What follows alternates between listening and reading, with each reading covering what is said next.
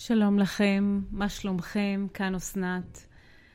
Uh, היום uh, אני אעסוק בנושא של uh, מה קורה בעולמו של הילד שגדל עם uh, הורה נרקסיסטי, הורה מתעלל, uh, הורה אלכוהוליסט, הורה שמכור למשהו, בין אם זה מכור להימורים, לחובות, לאלכוהול, לסמים, uh, לעסקים שקמים ונופלים. יש כל כך הרבה צורות של חוסר תפקוד אצל מבוגרים, אה, חובות אה, נשים, בגידות, אם זה מדובר בגבר, אם מדובר באימא, אה, אימא נרקסיסטית יכולה להיות אישה שמה שנקרא מזרה אימה בבית, הילדים פוחדים מהתגובות שלה, היא יכולה להיות גם מאוד נעלבת בקלות, אמוציונלית אה, ברמה של אה, אה, טרור רגשי, של להפעיל על הילדים ועל הבעל טרור שתכף לא לעצבן את אימא, לא להעליב את אימא, מה שאימא צריכה, אם היא לא מקבלת את מה שהיא רוצה, היא יכולה לעשות מה שנקרא silence treatment, או בעברית טיפול בשתיקה, זאת אומרת, לא מדברת איתך, לא מדברת איתך, לא מדברת איתך, בין אם זה עם הבעל או עם אחד הילדים. מת, מתעלמת, קרירה, כל הצורות אה, ענישה האלה, אה, או התפרצויות זעם, או איומים, או מריבות קולניות, או לזרוק דברים, או לאיים בגירושים. אה, כל הדברים האלה שאני מתארת זה עוד קצה קצהו של תרחיש, תרחיש רב, נקרא לזה תרחיש על רב תרחישי, זאת אומרת במובן של אה, אין ספור הסתעפויות שיכולות לצאת מה, מהדגם הזה של הורה נרקסיסט. אבל בעיקרון מה שמאוד מאוד אה, מייצג את כל ההורים הנרקסיסטים זה שיש להם אג'נדה. האג'נדה שלהם היא אה, ככה החיים על פי ההורה הזה, ומה שלא הולך לפי ההורה הזה, גם אם החיים על פיו הם לא הגיוניים בעליל, אה, הם אה, מוגזמים, הם תובעניים מדי מאחד מבני המשפחה, הם אה, מכריחים אנשים לוותר, אני מדברת על אנשים או בני המשפחה, לוותר על מי שהם כדי להסתדר איתו. זה הורה נרקסיסט, זאת אומרת גם הורה שהוא מאוד מוצלח בחוץ, נאמר אימא שיש לה תפקיד, יש לה קריירה מזהירה, היא מצפה מהילדים שלה מאוד להצליח בלימודים, מאוד להצליח במה שהם עושים, בחוגים, אה, מאוד מעודדת אותם אה, להצליח, אה, על פניו זה נראה הורה מאוד מטפח, אבל כשהאימא מאוד חשוב לה איך הילדים שלה נראים ומה הם עושים ומה חושבים עליהם ואיך הם באים לידי ביטוי בחברה בחוץ ואם הילד לא מצליח לגרום לאימא שלו גאווה אז הוא מרגיש כישלון והוא מרגיש בושה. זאת אומרת יש, אה, יש בזה הרבה הרבה הסתעפויות, אה, אבל אני מדברת על, אה, אני, אתם בטוח תמצאו לכם, מי שמכם שחווה ילדות כזאת, אני יכולה להגיד שבעצם ילדות שהיה בה הורה נרקסיסטי, שזה לא כזה נדיר, אני רוצה להגיד לכם שזה הרבה יותר שכיח ממה שאתם חושבים, פשוט על הסקאלה של הנרקסיזם יש מהרמה של התעללות סמויה, שזה אומר לא להיות קשוב לילד, לא להכיר אותו, אלא יותר להגיד לו איך הוא אמור להיות ומה הוא אמור להיות, אה, לא להתעניין בעולמו הרגשי, לא להתעניין בעולמו הפנימי, אלא יותר אה, לחשוף אותו לעולם שלך ולהראות לו מה עושה אותך מאושר כהורה, מה עושה אותך גאה בו כהורה, ולפי זה ילד מבין מה התפקיד שלו בחיים שלך, שזה שוב נרקסיסטי, כי בעצם הנרקסיזם הוא יוצר מצב שה... שהבן אדם הנרקסיסט מרוכז בעצמו וכל מי שסובב אותו מרוכז בו ובצרכים שלו ובציפיות שלו. סליחה על הרעשים, אה, ככה זה כשמדברים עם הידיים ואתם לא רואים.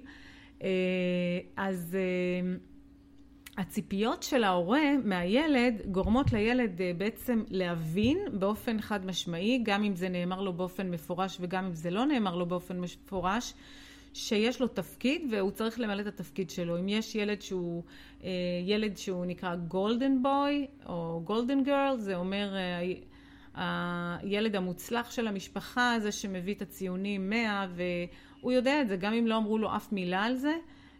הוא יודע שהתפקיד שלו הוא, הוא, הוא, הוא קורא מהרגישות שלו, קורא את הצורך של ההורה או של ההורים להתגאות בילדים שלהם, והגאווה בילד היא יושבת על הישגים של הילד ועל ההצלחות שלו, ולכן הילד מרגיש שבכדי שההורים שלו יהיו באיזו התקשרות איתו, בהתקשרות אני מתכוונת ל-attachment, לקרבה, מה שיקרב אותו להורים שלו ויגרום לו להרגיש איתם אה, בטוב, או אה, שהם גאים בו, שהם אה, שמחים בו, אז זה אומר להשיג תוצאות בשטח, אם זה ציונים ואם זה הישגים ואם זה בחוגים ואם זה הישגים ספורטיביים והישגים אינטלקטואליים.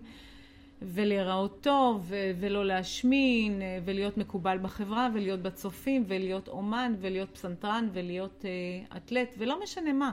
הילד צריך אה, להצטיין ולהתבלט בשביל שהילד הזה יהיה ראוי והוא יהיה גאוות המשפחה. והרבה פעמים כשמשבחים ילדים, אפילו בלי לשים לב שמשבחים ילדים על הישגים, והילד מקבל המון תשומת לב ביחס להישגים שלו, אם לפני כן הוא לא קיבל, המון תשומת לב, אבל פתאום ההורים שלו מתחילים להבחין בו כי הילד מתחיל להיות golden boy או golden girl, אז הוא אומר וואלה זה משתלם לי, אני, ההורים שלי פתאום מתייחסים אליי, אני, אני, הם יותר איתי, הם יותר בשבילי, הם באים יותר למשחקים שלי, הם באים יותר להצגות שלי, הם באים יותר לדברים שאני עושה, לפני שעשיתי את זה הם היו יותר בעניינים שלהם, הם פחות התעניינו בי, אז הילד עושה אחד ועוד אחד והוא מתחיל אה, לכוון את עצמו לעבר, אה, הוא מבין שיש השלכות למה שנקרא הישגים חיצוניים. מה גם שאנחנו חיים בחברה כזאת שמאוד מהללת ומשבחת הישגים ומאוד נותנת על זה לייקים וסמיילי ומדבקות ומגיל הגן כבר עושים את זה. Uh, מקבלים ציונים בבית ספר מכיתה א', uh, המצב הוא סוג של תחרות, כי אם נותנים ציונים אז אתה מדורג לפי הציון שקיבלת, ואז אתה יכול להשוות את עצמך לאחרים ולראות איפה אתה מדורג במערכת. זאת אומרת, זו מערכת משומנת היטב שיוצרת מצב כזה שהערך שלך תלוי במה שאתה עושה ולא במי שאתה. כי מי שאנחנו זה לא מה שאנחנו עושים. מי שאני, תחשבו תינוק. תינוק זה מי שהוא נולד, הוא לא לומד עדיין לנגן בפסנתר, הוא עדיין לא יודע לכתוב, הוא עדיין לא יודע לרקוד, הוא תינוק. והתינוק הזה יש לו צרכים. הצרכים שלו הם בשלב המוקדם של חייו מאוד מקובלים, שצריך להחליף לו וצריך להרים אותו כשהוא בוכה וצריך לקלח אותו וצריך אה, להרים אותו ו- ולעשות בשבילו הכל, כי הצרכים שלו זה בעצם ההישרדות שלו. הצרכים הפיזיים של הילד, של התינוק, הם הצרכים שמאפשרים לו לשרוד. תחשבו שבן אדם הוא לא כמו בעלי חיים אחרים.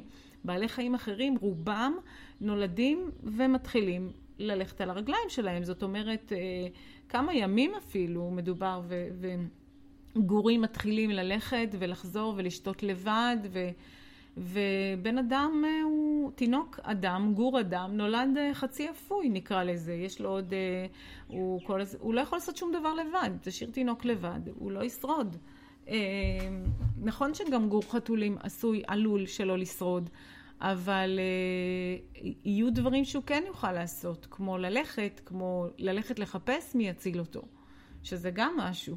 תינוק לא יכול לעשות את זה, אם הוא נזרק באיזה חור חס וחלילה, ש, שלא נדע, זה תרחיש נוראי, אבל אם מישהו זורק uh, תינוק ואף אחד לא מוצא אותו, הוא לא יכול ללכת לחפש לו עזרה.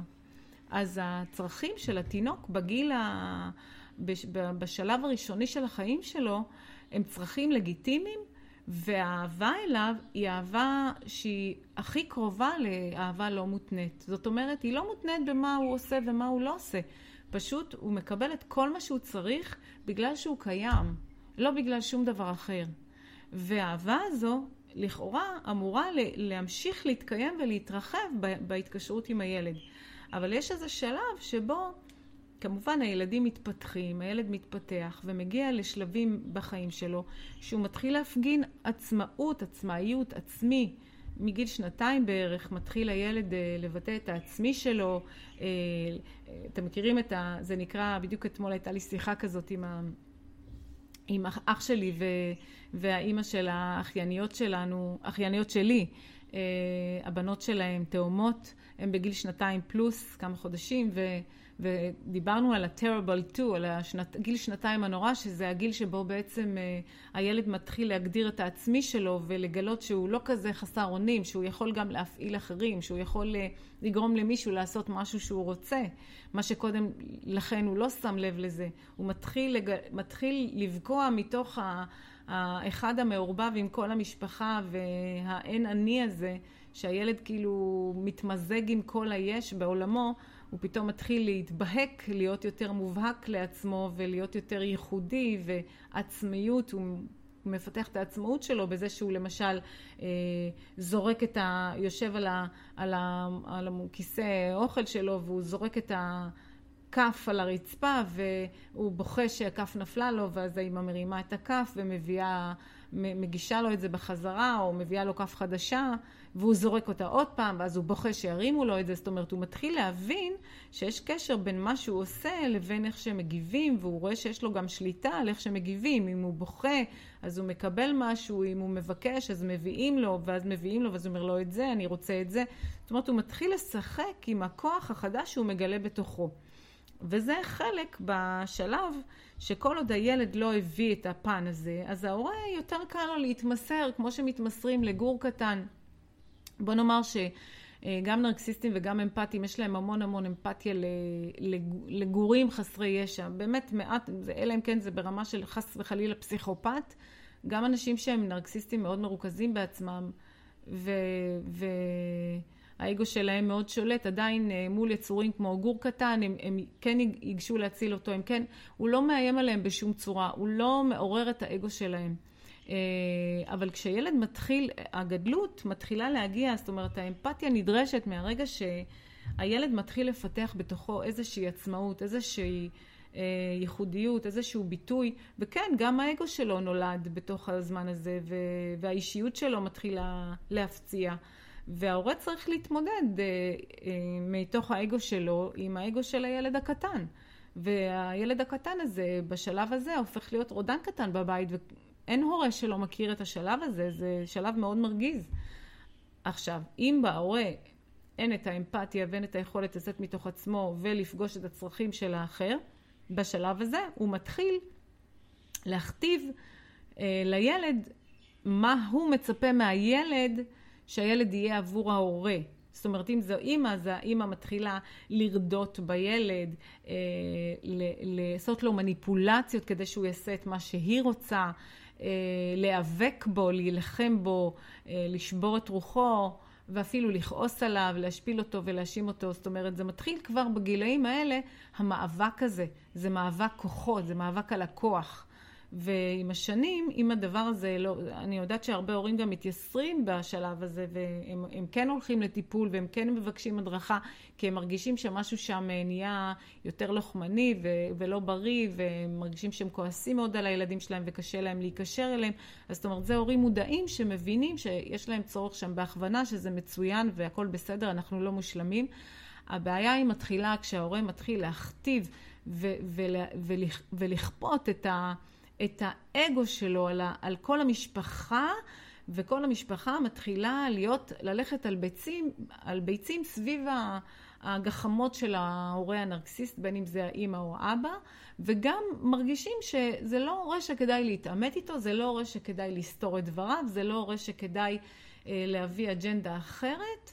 וגם אם ההורה הזה הוא כן יקבל אג'נדה אחרת, הוא קצת יעקוץ, הוא, הוא כאילו לא יפרגן, הוא לא ירים, הוא יתעלם, הוא יעשה את עצמו כאילו זה לא חשוב, הוא ימעיט בערך של זה, בין אם זה חשוב לך או לא. זאת אומרת, זה ממש ממש מורכב איך הנפש שלנו מתחילה להתעצב מגיל מאוד צעיר ביחס להורות ש... שגידלה אותנו, נקרא לזה ככה. וכמובן ש... אנחנו נכליל את זה בהורות מודעת והורות לא מודעת, ואנחנו מדברים על הורות לא מודעת.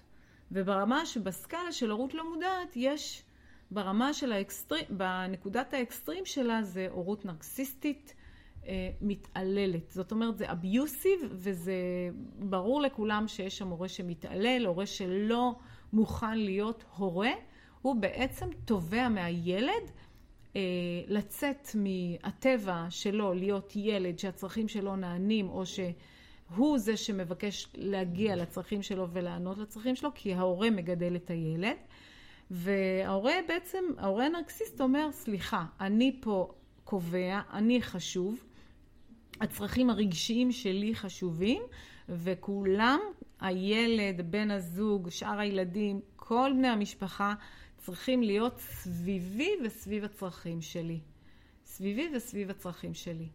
ההורה הזה בדרך כלל יעורר את המריבות בבית, הוא יעורר את כל ההתפלגויות, זאת אומרת, הוא ייצור מצבים של אה, קואליציות בבית, או יסכסך בין אה, בני משפחה, או יסית אחד נגד השני, או אם הוא רב עם מישהו אז הוא ייקח מישהו אחר להיות בצד שלו ויגיד לו, אתה לא יודע מה היא עשתה לי, היא עשתה לי ככה והיא עשתה לי ככה, אחותך הזאת היא לא בסדר. זאת אומרת, הם ינסו גם להסית את האחים אחד נגד השני, או שהם יקרבו אליהם אח אחד או אחות, בת אחד או בן אחד מהמשפחה, יקרבו אליהם באופן אה, מובהק, שהילדים האחרים ירגישו שהם מופלים לרעה או שהם פחות חשובים. בקיצור, כולם יעבדו בשביל האישור מההורה הזה. כולם, גם בן הזוג, גם הילדים. אה, יהיו שם אה, מנגנוני, הרי ילדים מתעמתים עם ההורים שלהם והורים מתעמתים עם הילדים גם בעניין של חינוך, גם בעניין של שימת גבולות, גם בעניין שהילד כועס על ההורים שלו ו, ויש לו כעסים ויש לו רגשות ואמוציות. זאת אומרת, זה טבעי שיש במשפחה עימותים ויש מחלוקות ויש גם מריבות, הכל בסדר, אבל אה, ההורה הנרקסיסט הוא הורה שתמיד חייב לנצח, אה, הוא לא נוטה להתנצל, הוא מאשים כשדברים לא מסתדרים כמו שהוא רוצה. והוא אה, אה, לא, לא נזהר מלהיכנס למריבות, להפך, זה חלק מה, מהשליטה שלו, לייצר מצב שכל האחרים מפחדים שרק שלא תהיה מריבה עכשיו בארוחת שבת, רק שלא תהיה מריבה בחג, בואו בוא נשתדל להיות, אה, זה כמו, כמו שדה מוקשים כזה. אני מדברת על זה עכשיו ברמה של, ה, של המשפחה הכללית. אני יכולה לדבר מנקודת המבט של הילד, אה, זו חוויה מאוד מאוד קשה. אם למשל אני נמצאת במערכת יחסים עם אימא נרקסיסטית, או אימא שהיא, אה, אה, נקרא לזה, מכורה למשהו, אז אימא יכולה להיות מכורה ל... לעבודה וכאילו להיות מנותקת בבית, אימא יכולה להיות לצערנו מכורה לסמים או מכורה לאלכוהול. אז אימא שהיא נרקסיסטית, היא יכולה להיות בן אדם מאוד עצבני, מאוד לא צפוי, אה, מניפולטיבית, אה, משפילה. כל מריבה זה הופך להיות משהו מאוד מאוד אישי, כל ויכוח זה הופך להיות תקיפה אישית במקומות הכי חלשים כמו את, אה, את חוצפנית, אה, אף אחד לא יכול להיות חבר שלך, את בן אדם מגעיל, אה, לא פלא שאין לך חברים, או לא פלא שאף אחד לא אוהב אותך, או לא פלא שאין לך חבר, או לא פלא, בגיל יותר מבוגר, מי ירצה להתחתן איתך, ולא פלא שלא התחתנת, והילדים שלך יהיו מסכנים, או מסכן החבר שלך, או מסכנות החברות שלך, או כל מיני כזה, לתת תחושה כזאת שגם אם מישהו נמצא איתך וגם אם מישהו אוהב אותך, אז או שהוא מפחד ממך, או שהוא מסכן, או שהוא... כאילו, את פשוט בן אדם איום ונורא, וכולם אומרים את זה, יש גם את הגיוס הזה של משהו, אמירה כזאת מעורפלת של אה, גם זאתי אמרה שאת ככה, או כולם אומרים שאת ככה, כולם יודעים שאתה ככה. הדבר הזה הוא מאוד מאוד פוגעני, וההורה הנרקסיסט משתמש בכל התותחים שהוא יכול בשביל לנצח בוויכוח, בקרב, במחלוקת, ולגרום לילד כאילו להיחלש ולהיכנע. כי יש שם משהו שהוא עובד על המון הכנעה והמון אה, שטיפת מוח, אה, לספר לילד מי הוא. מכיוון שאני ההורה, אז אני מנצל את הכוח שלי כהורה ולהגיד לילד שלי, אתה ככה ואתה ככה ואתה ככה, אל תספר לי מי אתה, אתה יכול לעבוד על כולם שאתה טוב, והחברים שלך לא יודעים מי אתה, ובבית ספר אף אחד לא יודע מי אתה, אני יודע מי אתה, תן לי לספר לך מי אתה ומה הבעיות שלך, ויש שם משהו שהוא ממש שוטף את המוח. אה, זה ברמה הכי בסיסית, אבל החוויה של ילד שגדל לאורך שנים עם הורה נרקסיסטי זה שבעצם החוויה הרגשית החוויה הרגשית והמסקנות הרגשיות הן, אני לא אהובה, אי אפשר לאהוב אותי, אי אפשר להיות איתי, אני צריכה להרוויח את האהבה שלי, גם אם הילדה היא לא וכחנית גדולה או שהיא כן מרצה, היא כל פעם בהלם מחדש, איך זה שאני עושה את כל מה שאני עושה, איך זה שאני משתדלת כל כך, טעות אחת הכי קטנה, ואני מקבלת מתקפה ואני לא שווה כלום ואני מרגישה שהכל נחרב ולא משנה מה עשיתי, הכל לא שווה כלום והכל נמחק. אז החוויה היא שהיא כל הזמן, היא צריכה לעבוד מאוד מאוד קשה על, ה, על החוויה שלה, של הביטחון. וכשאני מדברת על ביטחון, אני לא מדברת על קונפידנט, למרות שזה תוצאה של safety issue. זאת אומרת, הילדה הזאת שגדלה בבית כזה, שהיד, בוא נאמר שהיד קלה, אם יש שם אלימות והפה, והלשון קלה לקלל, להאשים, לבייש, להשפיל, להעליב, לכנות בכינויי גנאי, להחלי, לעשות, להגיש לך כל יום אנליזה מה הבעיות שלך, אתה יודע מה הבעיה שלך והבעיה שלך ומה אתה צריך לתקן ומה אתה צריך לשפר ומלא ביקורת ומלא שיפוט וביקורת ו... כאילו התקשורת היא הופכת להיות כמו פידבקים שליליים ואין כל כך התייחסות ל... לדברים שהם נעשים בצורה תקינה, כי זה כאילו, אה, זה שום דבר, זה כאילו, זה, זה מובן מאליו. כל הטוב מובן מאליו, וכל מה שנחשב ללא בתקן, לא בתלם, אפילו טעות שנעשתה, אין מקום לטעויות, הכל מקבל ענישה חמורה, בין אם זה בעונשים ממשיים. בין אם זה במריבות, בהאשמות, בפיצוצים. זה פשוט סיוט לילדים שהם מאוד רגישים, לילדים שהם אמפתיים. החוויה שלהם זה שהקיום שלהם הוא בסכנה, שהבית שלהם הוא מקום לא בטוח, ושהם אפילו מרגישים בושה מאוד מאוד גדולה שאין להם את החוויית הבית כמו שיש לחברים שלהם, לפחות חלקם למי שהם רואים שבבית אצלם יותר נוח, כי האנרגיה בבית עם נרקסיסט היא אנרגיה רעילה מאוד. גם אם הנרקסיסט הוא לא בן אדם תוקפן חיצוני, זאת אומרת הוא לא גלוי. יש נרקסיסטים סמויים שהם פאסיב אגרסיב, זאת אומרת הם עוקצים, הם מאירים בקטנה, הם אומרים דברים שככה מפנצ'רים לנו את הבלון, אנחנו מרגישים שהם אף פעם לא ממש מתלהבים מהדברים הטובים שאנחנו עושים, שזה הסוג האחר של הנרקסיסטים, שאנחנו דווקא כן מצליחים בדברים, ואנחנו כן עושים דברים נפלאים, ויש לנו תחושה כאילו שההורה אף פעם לא, לא מתלהב משום דבר, אנחנו לא מצליחים לגרום לו להיות שמח, ויש לנו איזו תחושה כאילו זו אחריות שלנו.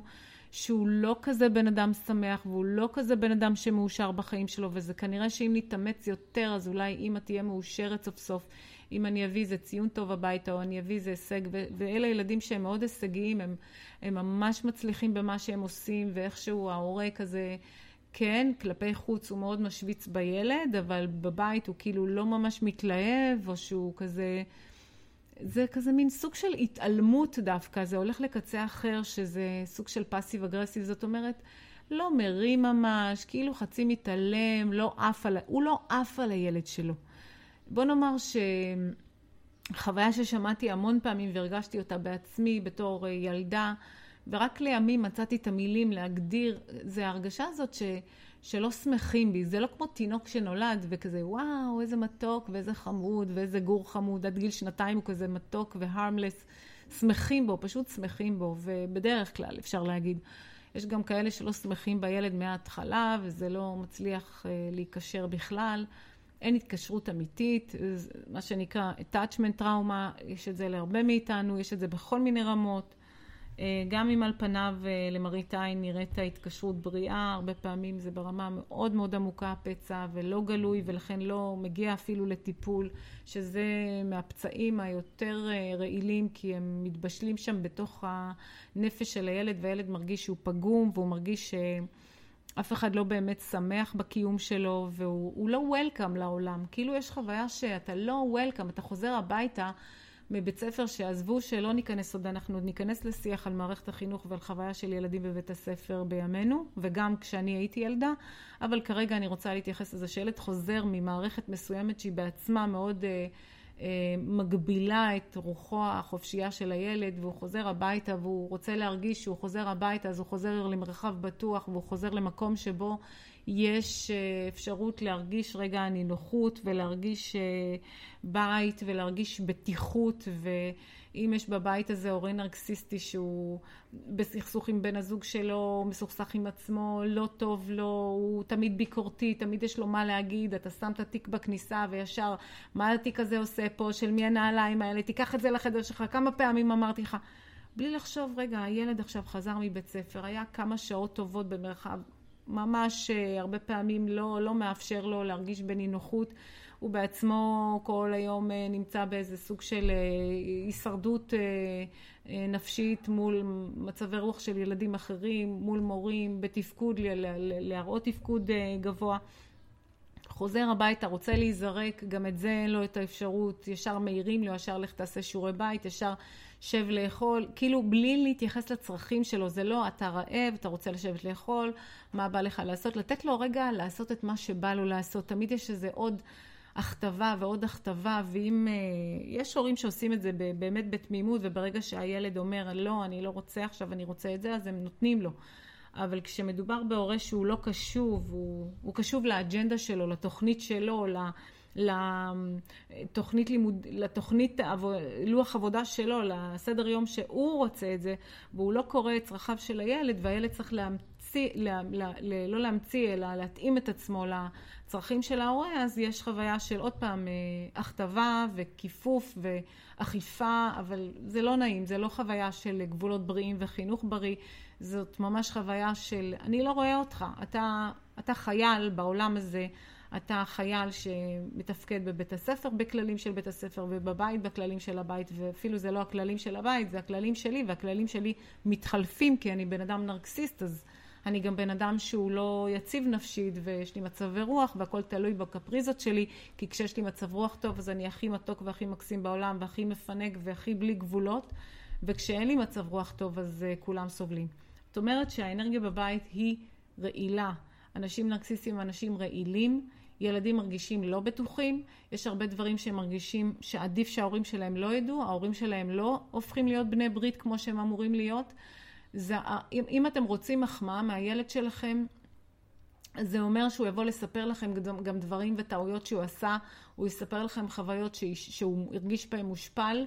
הוא יספר לכם חוויות שכעסו עליו כי הוא עשה טעות, הוא יספר לכם חוויות שבהן הוא נכשל, אז תהיו, ואם אחרי הפעם הזאת הוא ימשיך לבוא ולספר לכם את זה, זאת אומרת שאתם פעלתם בצורה שהיא אה, אה, נתנה לו להרגיש שזה בטוח לבוא ולספר לכם דבר כזה. לעומת זאת, אה, כשילד מרגיש שבבית שלו לא בטוח, וזה אומר גם אם אתם תיתנו לו תמיכה באותו רגע, אבל שבוע אחרי זה אה, למשל, אני שמעתי סיפור על ילדה שעשו עליה חרם בבית ספר, זה לא דבר כזה נדיר, הרבה הרבה ילדים חוו את זה, גם אני. חוותה חוו... חוויה של חרם ובאה לספר את זה בבית, וכאילו האימא הייתה, שהאימא שהייתה נרקסיסטית, אה, היא כאילו, היא, אה, היא אמרה לה מה, ואיך הם עשו את זה, ואני, איזה חוצפניות, ואל תשימי לב, והן מקנות בך, היא כאילו הכניסה לה... היא לא ניחמה אותה, היא רק אה, גרמה לה להרגיש שמקנאים בה ושהעולם הזה מסוכן ושלא תסמוך על אף אחד ו... וכאלה.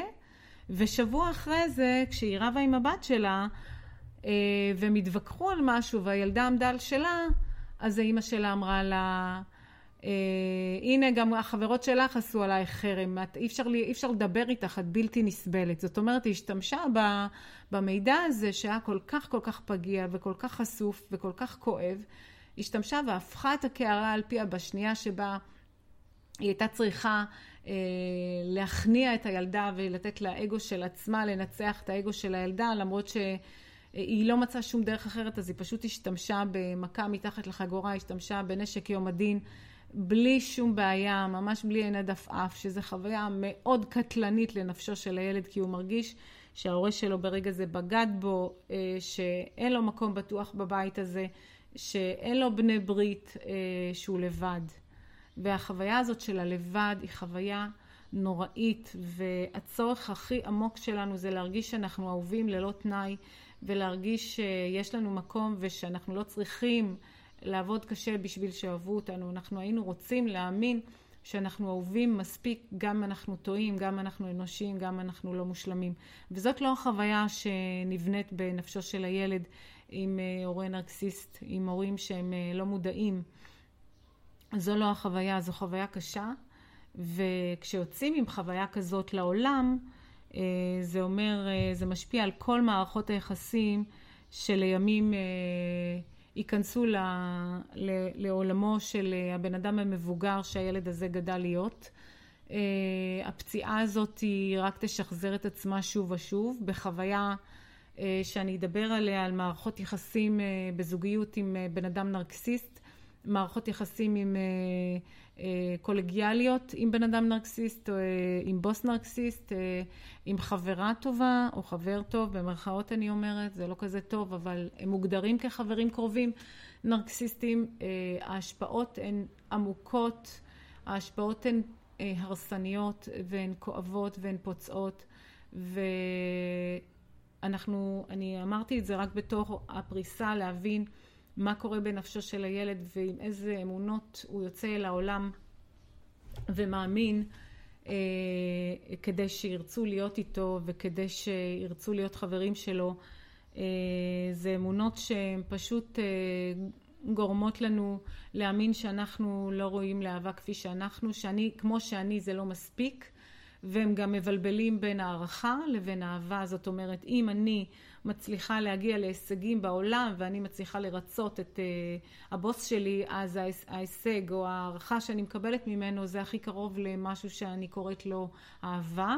ואני לומדת שבשביל אהבה צריך לעבוד, שזה עוד עיוות של ההבנה של מה זה אהבה, וזה כמובן מעיד על... Uh, attachment trauma, זאת אומרת שההתקשרות הבריאה שאמורה להיות בין הורה לילד, שהילד מרגיש שאהוב no matter what, לא נוצרה החוויה הזאת, ולכן הוא בעצם בעולם מתפקד כמו אה, ישות שכל קשר שיהיה לה אי פעם בכל מקום, הקשר הזה אה, יוביל לריצוי ולהתבטלות עצמית ולפוקוס על מה אחרים צריכים ולענות על הצרכים של האחרים, כי ככה תכנתו אותנו מילדות. אה, איך להתנהל ואיך אה, להתנהל בצורה כזאת כדי שלא ינדו אותנו ולא יגרשו אותנו ולא יפטרו אותנו ולא אה, ייפרדו מאיתנו.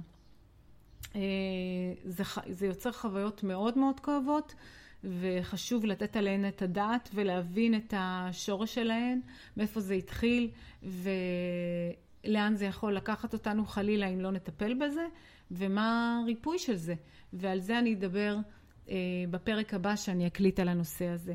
אז אה, לכל מי מכם שמרגיש או מרגישה אה, חיבור לתוכן הזה ורוצים לשאול עוד שאלות ועוד הרחבות, אתם מוזמנים בהחלט ובשמחה רבה לפנות אליי דרך האינסטגרם, באינסטגרם, לעקוב אחריי.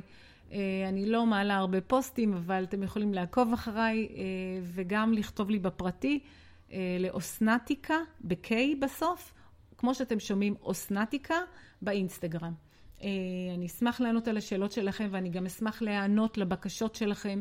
כבר קיבלתי מכם כמה שאלות ובקשות אה, וזה עומד כאן ברשימה בתור, אה, להעלות על זה פודקאסטים ולהתייחס לתוכן הזה ולהרחיב על דברים שביקשתם, אז אני אעשה את זה בהמשך.